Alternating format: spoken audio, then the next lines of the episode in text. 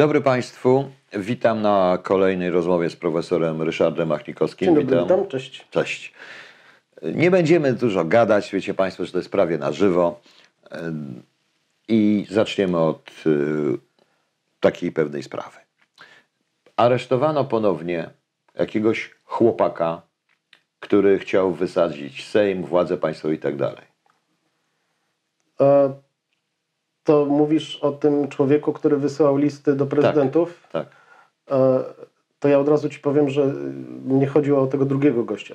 Aha, o tego drugiego. O tego gościa, który został aresztowany przez ABW w lutym, którego A, proces tego- się toczy. No, w, w sprawie tego faceta, który został aresztowany, to wiem tyle, co e, jest w, mediach.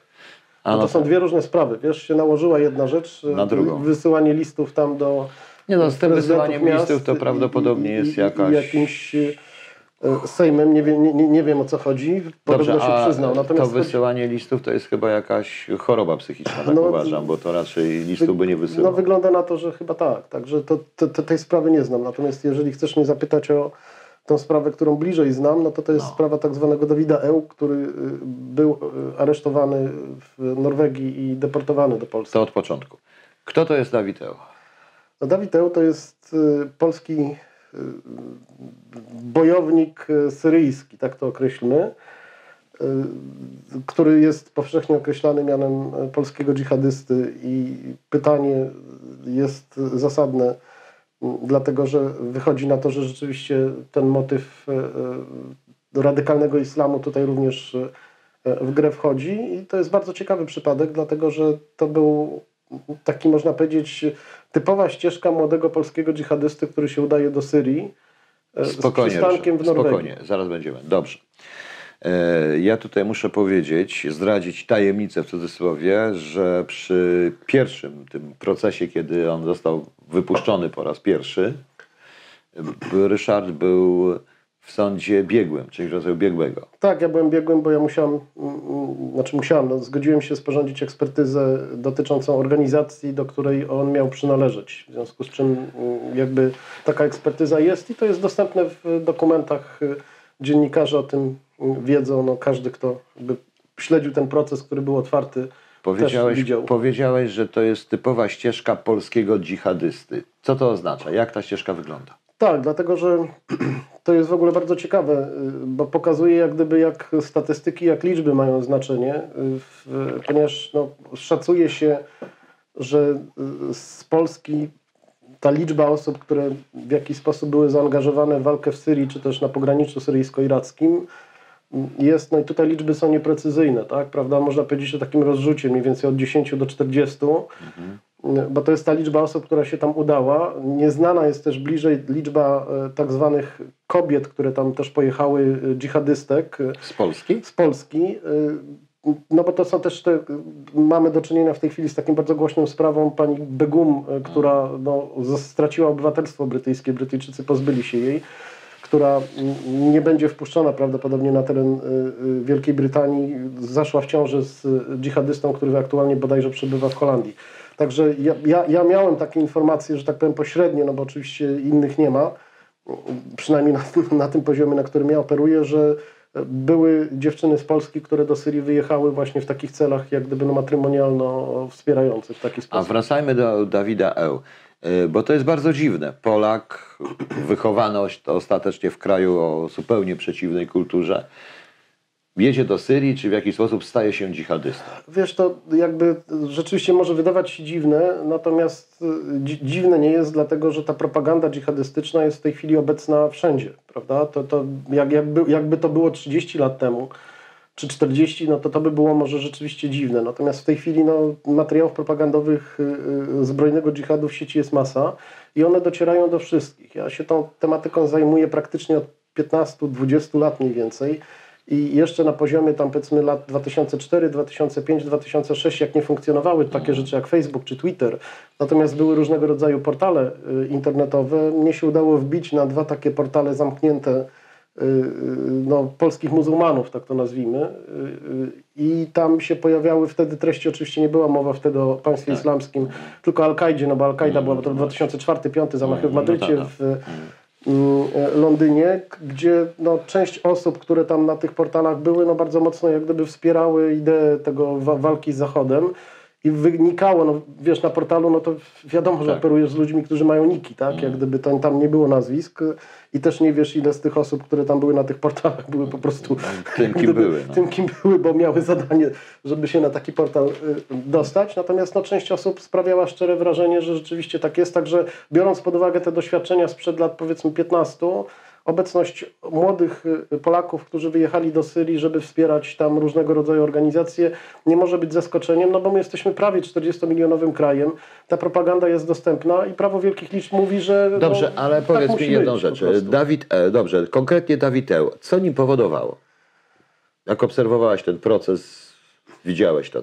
Co on mówił? Co, to znaczy, nim, co nim powodowało? Ścieżka życiowa jest ciekawa, dlatego że Dawid wraz z rodzicami wyjechał do Norwegii.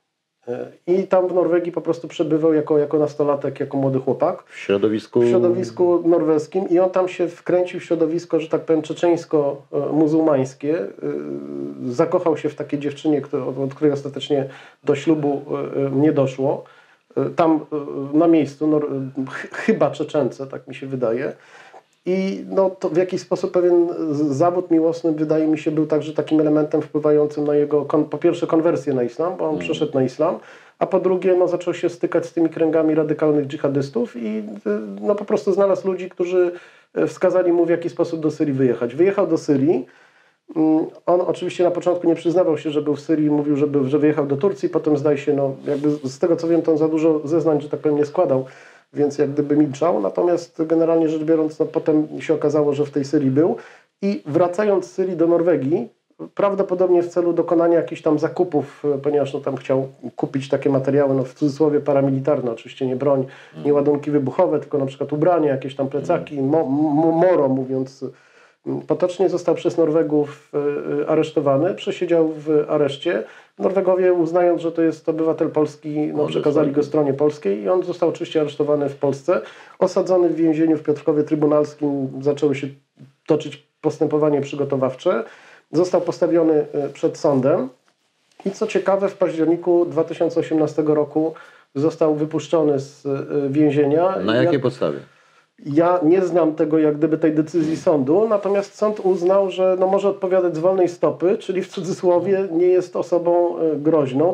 Na szczęście, jak się okazuje, e, e, tutaj widać, że ABW wykonała swoją robotę, pozostawał w dalszym ciągu pewnie pod zainteresowaniem Agencji Bezpieczeństwa Wewnętrznego i jak podano niedawno, parę dni temu w, mart, w, lutym, w lutym 2019 roku, czyli dosłownie tak, Niedawno, kilka, kilka, kilka pewnie tygodni temu został aresztowany ponownie. Pod, tym razem postał, bo pierwszy zarzut to był uczestnictwo w organizacji zbrojnej, nielegalnej o charakterze tak. terrorystycznym tak. i to był ten proces. Jak tak, ta organizacja jest chyba wpisana na listę nawet. No właśnie ta organizacja, której, którą zarzucano nie jest. Nie jest? To był, na, na, na, tym polegała, że tak powiem w cudzysłowie cała zabawa, prawda? Że ona, to, to, nie była, bo to nie była duża organizacja, to nie była Al-Nusra na przykład, czy czy, czy, czy jakaś znana organizacja, tylko to była taka mała, niszowa organizacja, która operowała w trzech miastach, między innymi w Aleppo, gdzie on był, która była jak gdyby w pewnym sensie w sojuszu takim większym, tych właśnie takich mniejszych i większych organizacji. One były z kolei w e, sojuszu z oddziałem Al-Kaidy w hmm. Syrii,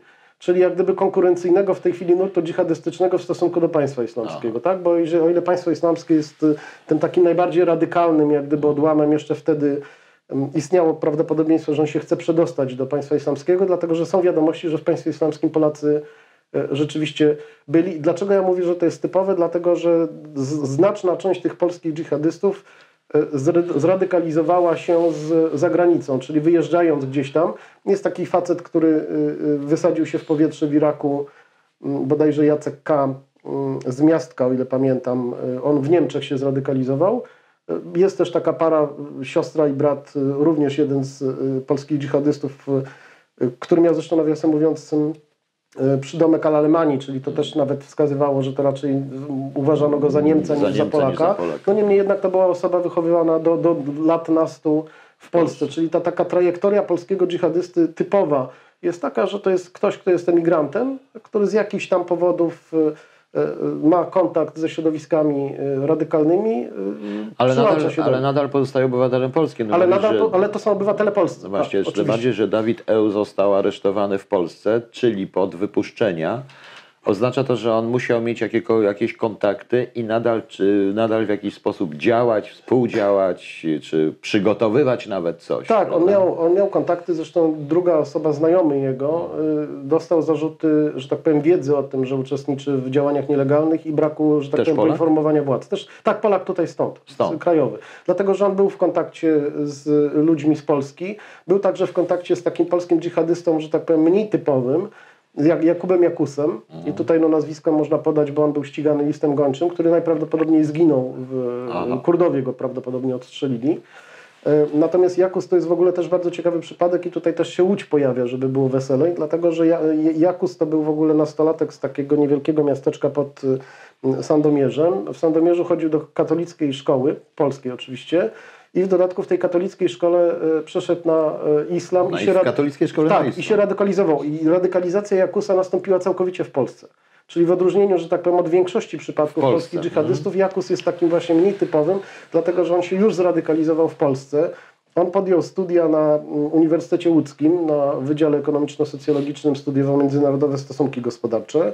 I ja Jakusa widziałem, dlatego że y, on uczestniczył w takim, było zorganizowane na uniwersytecie takie jak gdyby spotkanie no, no, promujące jak gdyby islam w Polsce.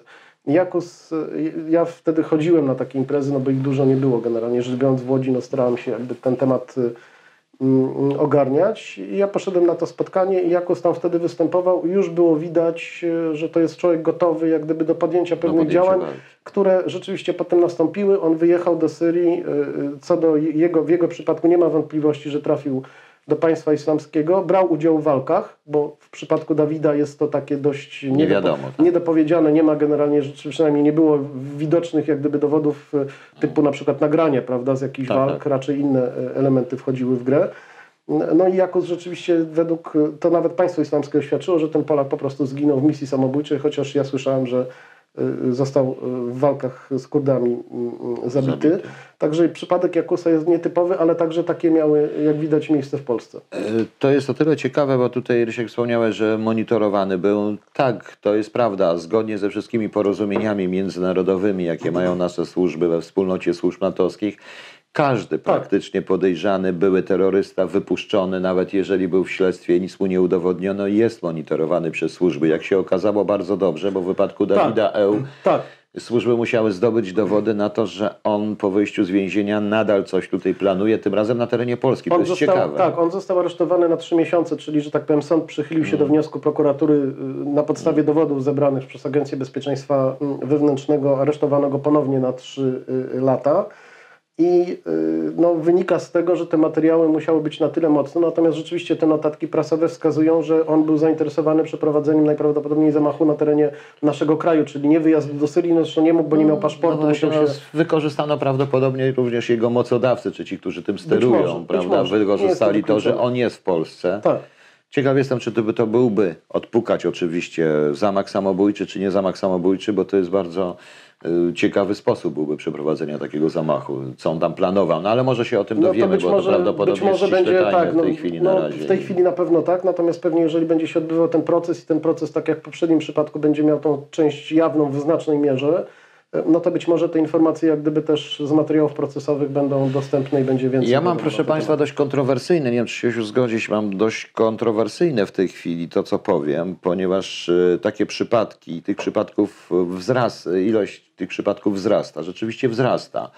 A to się wiąże z ogromną antyamerykańską, z taką propagandą antyamerykańską i z czymś, co ja nazywam antyamerykańskością ponieważ to wspólne zresztą to ISIS, to wszystko jedno, tu powiedziałeś walka z Zachodem. Generalnie to nie z całym Zachodem, ale chyba głównie z Ameryką. Głównie z Ameryką, tak, dlatego że no, myśmy ten poziom, poziom antyamerykanizmu mieli przez jakiś czas ograniczony mm. z powodów no, dość oczywistych historycznie, natomiast rzeczywiście od jakiegoś czasu jak gdyby, no, to jest szczególnie widoczne w pokoleniu, które no, nie zaznało komunizmu, prawda, jakby mm. ma inne spojrzenie, no to są tacy ludzie, jak że tak powiem, ludzie z zachodu, tak? A na zachodzie ten antyamerykanizm w Europie był przecież e, no bardzo mocno ogromny. widoczny i na pewno jak gdyby to pomaga, prawda? Dlatego, że tutaj no jakby w, za, zarówno w tych zachowaniach, jak i, że tak powiem, deklaracjach Jakusa, jak i Dawida Eł, no tam było bardzo wyraźnie widać, że jak gdyby no, wpisuje się w, ten, w tą narrację wielkiej wojny między światem islamu, a głównie Ameryką i tak zwanymi krzyżowcami, czy też Żydami, no bo tam też Dobrze, to teraz też powiem ze swojego doświadczenia, również kontrwywiadowczego. Powiedziałeś Czeczeni. Wszystko idzie przez Czeczenów, które w pewnym sensie stanowią taki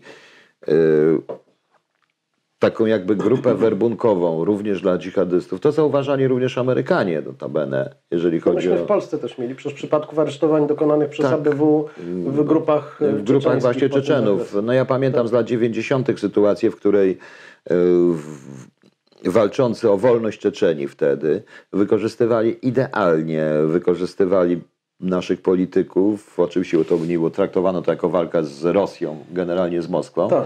Tymczasem większość tych Czeczenów y, była związana z różnego rodzaju ugrupowaniami terrorystycznymi generalnie antyamerykańskimi, a część z nich w ogóle działała na zlecenie Rosji po prostu. No tam była, tak, był taki przecież motyw, że w momencie, kiedy się, że tak powiem, ustanowiło państwo islamskie, czyli tam hmm. okres 2013-14, czyli w tym pierwszym okresie i 15, jak ono się rozwijało, prawda, czyli zajmowało te olbrzymie tereny na terenie Iraku i Syrii, bo to przecież rzeczywiście był gigantyczny, to był obszar, który oni kontrolowali wielkości Hiszpanii, prawda, w pewnym momencie, w tym największym natężeniu no tam y, y, Rosjanie robili no, pewnie dwie rzeczy. No jedno, o której generalnie powszechnie wiadomo, czyli po prostu wypuszczali często z więzień tych radykałów i sobie po prostu ich tak, wysyłali do Syrii, licząc na to, no zresztą tak, to, co robili wcześniej też inne państwa, że no niech sobie tam pojadą, tam się zabi zostaną zabici no właśnie, przez jedną, drugą spokój. czy trzecią stronę, będziemy mieli święty spokój, nie my się musimy tym zajmować. To jest jeden element i ten kontyngent czeczeński był uznawany za bardzo wysoki. To było ponad tysiąc osób. Tam był taki przywódca Al-Shishani, miał taką, no, czyli Czeczen,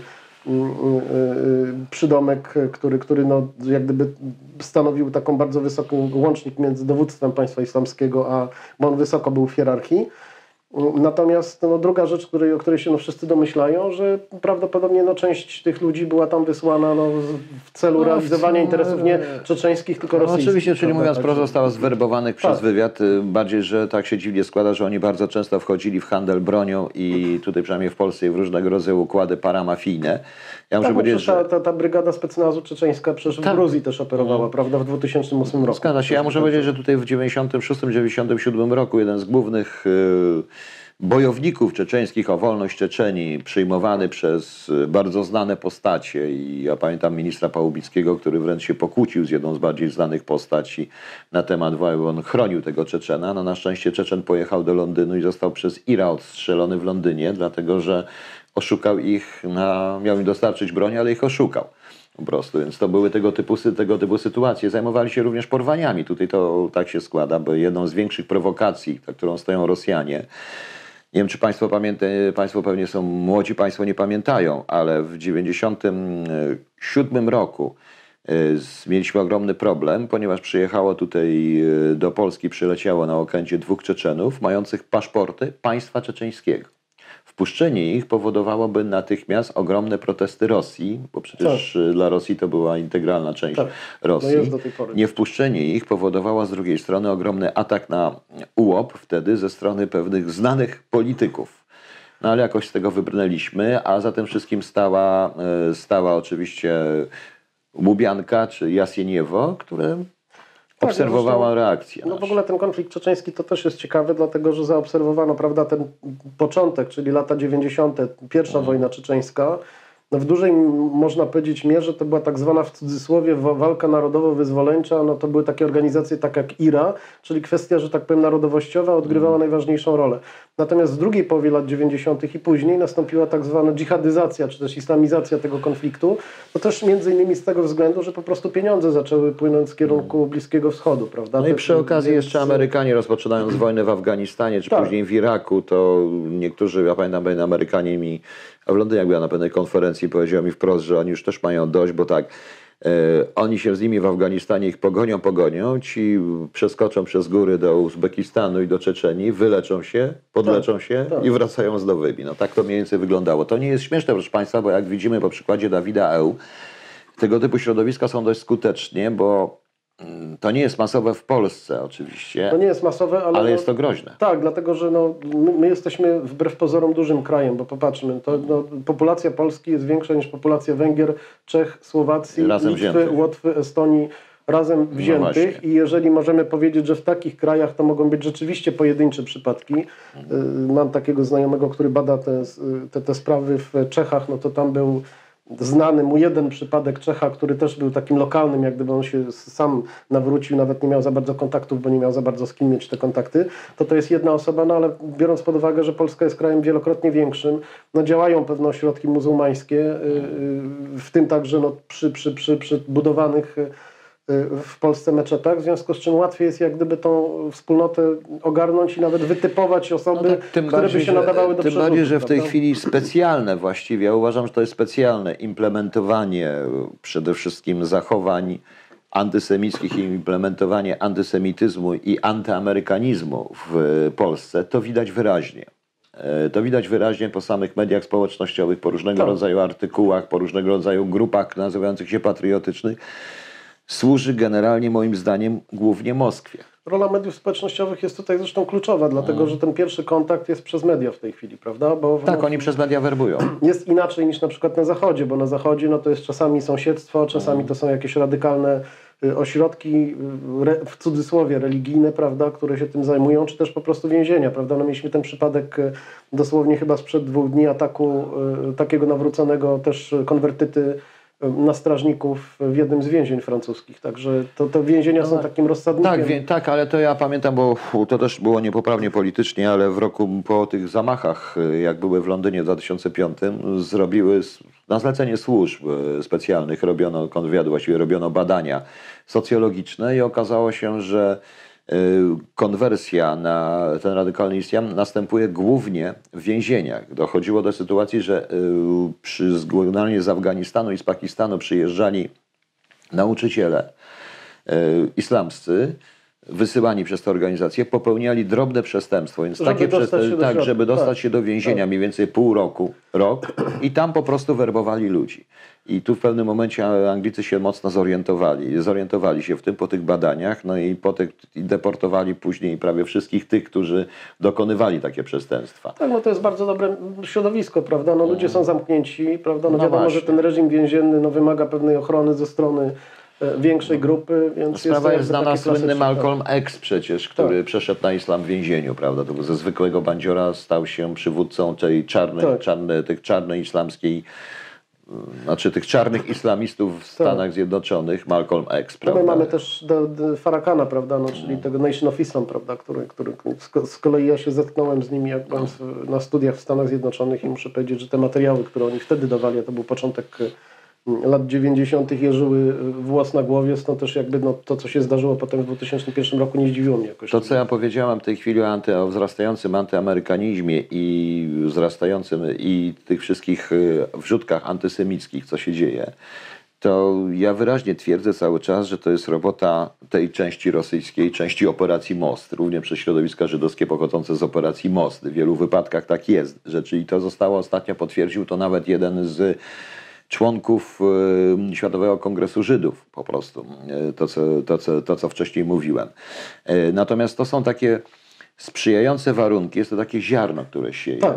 bo to bardzo mocno trafia do młodych ludzi. Tak, no ale to jest generalnie, tak jak mówię, no prawo wielkich liczb, prawda? Rzuca się No jakieś tak. tam materiały propagandowe i wiadomo, że dziewięć osób przeczyta, powie to jest bzdura, ale jedna osoba przeczyta i powie o, to jest coś, co mnie interesuje, zacznie w cudzysłowie zgłębiać wiedzę i pójdzie w tym kierunku, prawda? Także tak to, tak to po prostu No właśnie. I tutaj jeszcze jeden temat przy okazji, jak już mówiliśmy o tym. Zbliża się rocznica przyjęcia do NATO.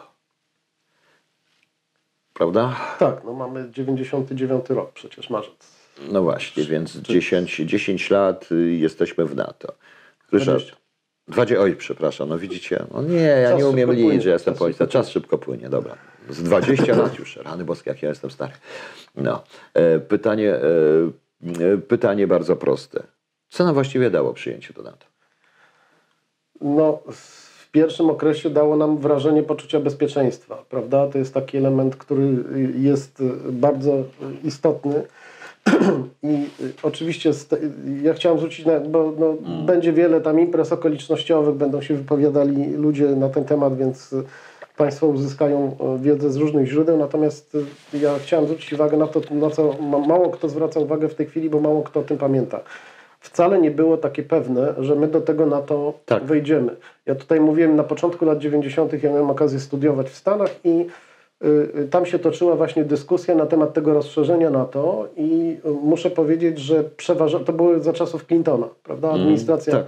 Clintona już y, y, i y, generalnie w tych mediach, że tak powiem, mainstreamowych bardzo mocno był widoczny taki wątek właściwie po co rozszerzać NATO, właściwie do czego w ogóle to NATO jest potrzebne. Przecież zimna wojna się zakończyła, to jest organizacja zimnowojenna, należy ją w związku z tym rozwiązać. To były wszystkie motywy, które były suflowane, płynęły przecież y, Tak. z Moskwy, no bo i w interesie Rosji jest rozwiązanie, czy też osłabienie tej No, Rosja.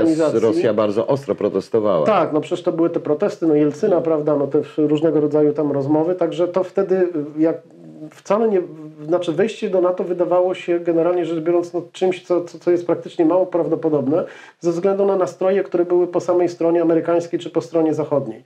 I to, że myśmy weszli do NATO, że jednak że tak powiem, ten kierunek został utrzymany. y, Nikt na to dzisiaj nie zwraca uwagi.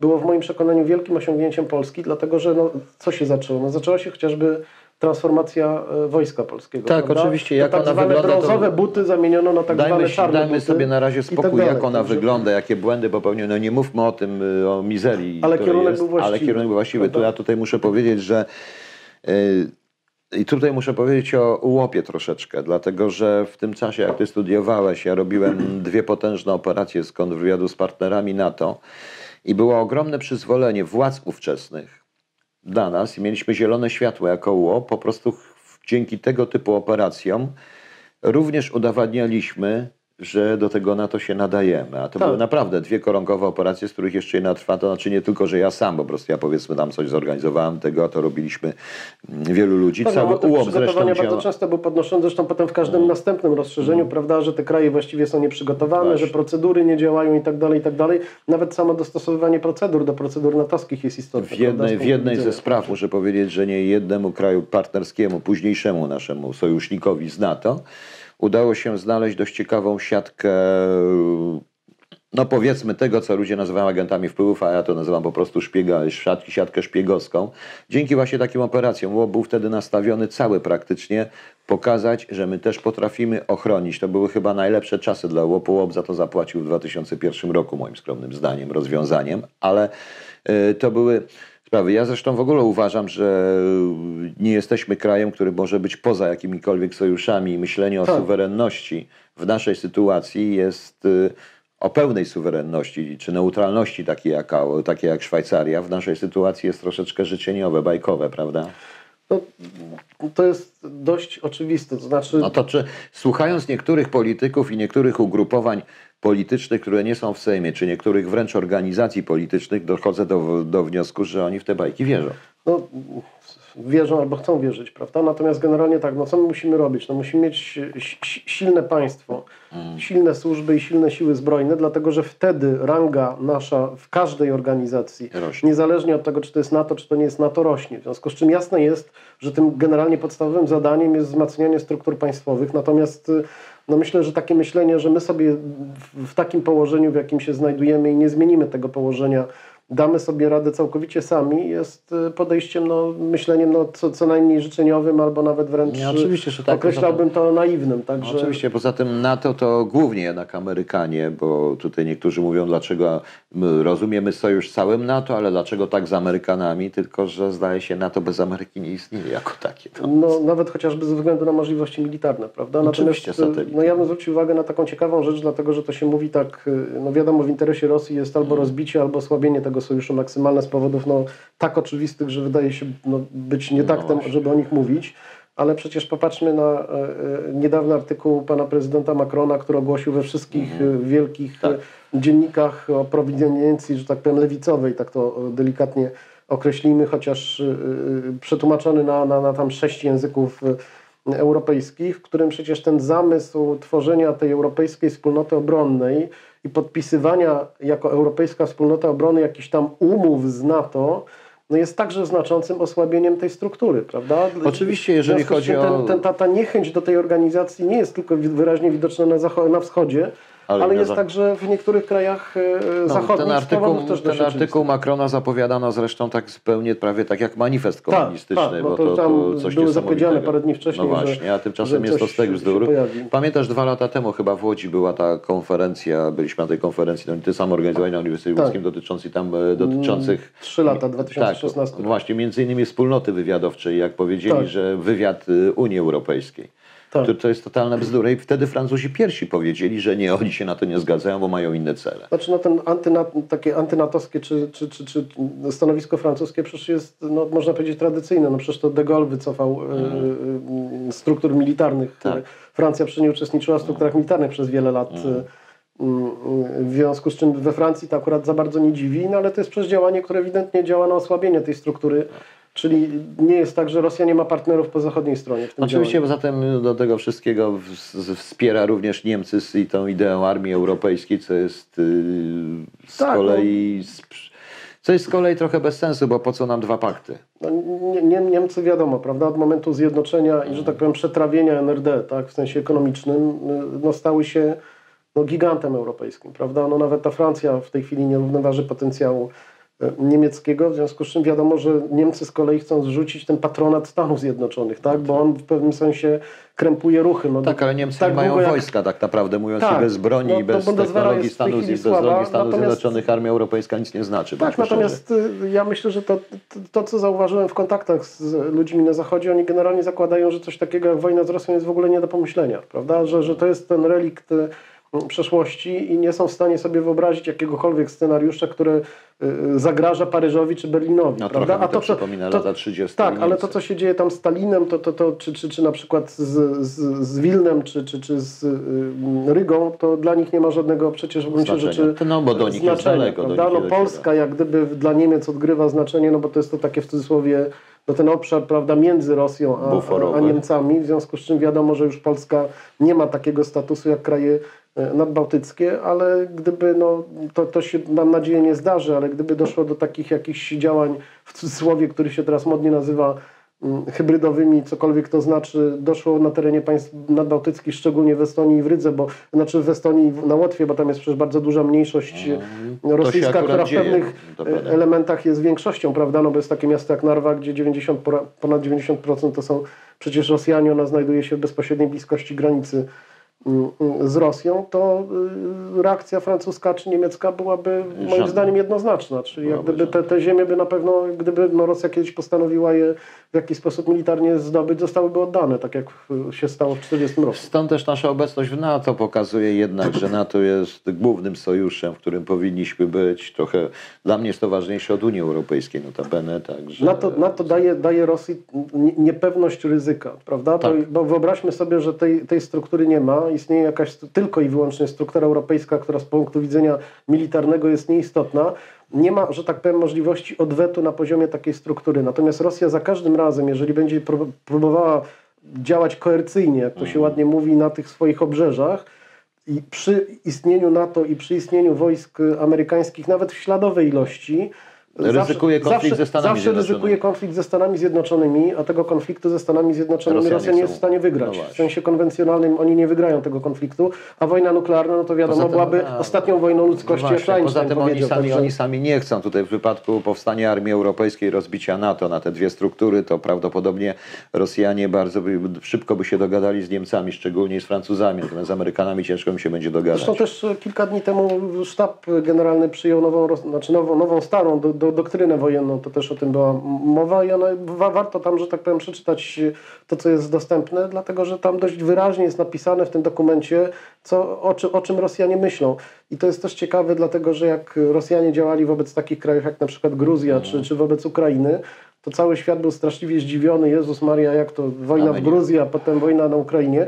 Ale przecież Rosjanie wcześniej jak gdyby dość otwarcie, otwarcie To było widać przede deklarowali. Oni tego, oni różnych, tego no. nie ukrywali w jakiś sposób, prawda? To Ale- nie było tam prowadzenie jakieś działania maskujące. Tam było wrę- wręcz wprost powiedziane, jak gdyby co może, e, może się stać Ale, Zachód, się ale. Zachód Europy nie chciał nas słuchać. Ja pamiętam, że na różnego rodzaju spotkaniach, konferencjach e, służb partnerskich, to na ogół Niemcy, Francuzi w ogóle patrzyli na nas jak na, kiedy mówiliśmy o Rosjanach i o tego typu działaniach, patrzyli na nas jak na wariatów, jak na paranoików, którym się wszystko coś wydaje. Dopiero potem się okazało, że mieliśmy rację. W przypadku Gruzji na pewno, bo wcześniej uprzedzaliśmy zresztą, że coś takiego może być. Ja muszę powiedzieć, że y, przeżyłem takie samo y, y, doświadczenie, dlatego że w grudniu 2013 wraz z kilkoma takimi bystrymi osobami miałem okazję z Polski i nie tylko z Polski uczestniczyć w takiej konferencji w Paryżu, bardzo dużej. Tam był zorganizowany, że tak powiem, no, dzień poświęcony y, osobny taki panel poświęcony tylko Europie Wschodniej, jak to oczywiście Francuzi nazywają, więc myśmy ich poprawiali środkowej i wschodniej, a nie tylko mm, wschodniej. I to się działo w grudniu 2013 roku, czyli wtedy, kiedy już Majdan nabierał, że tak powiem, rumieńców, prawda? Jeszcze nie było tego, tego, tej eskalacji walk, natomiast już było wiadomo, że tam się będą różne rzeczy dziać i myśmy tam przedstawiali między innymi i- ja i, moi znajomi takie różne scenariusze, jak gdyby co się może mm, wydarzyć. No było to postrzegane do, dosłownie jako, jako takie political fiction, przy czym realizacja tych scenariuszy nastąpiła już w lutym następnego roku. Czyli jak gdyby y, już na poziomie grudnia 2013 roku świadomość elit polityczno-wojskowo, y, że tak powiem, służb francuskich była taka, że właściwie to tam co nas to No. obchodzi, że Ukraina to y, y, jest jakiś taki mały problem i nie będzie z tego żadnych kłopotów, prawda? No potem się okazało, że te kłopoty były duże, także rzeczywiście takie podejście było i jest widoczne. Dobrze. Dziękuję Ci, Ryszard. Dziękuję. Także, proszę Państwa, na zakończenie, bądźmy pragmatyczni. Patrzmy na sąsiadów życzliwie, ale tak jak powinno patrzeć suwerenne państwo z pewną dozą jednak e, Nieufności. nieufności, bo to jest konieczne. Dziękuję Państwu. Dziękuję. Dziękuję Ryszard. Do zobaczenia. Do zobaczenia.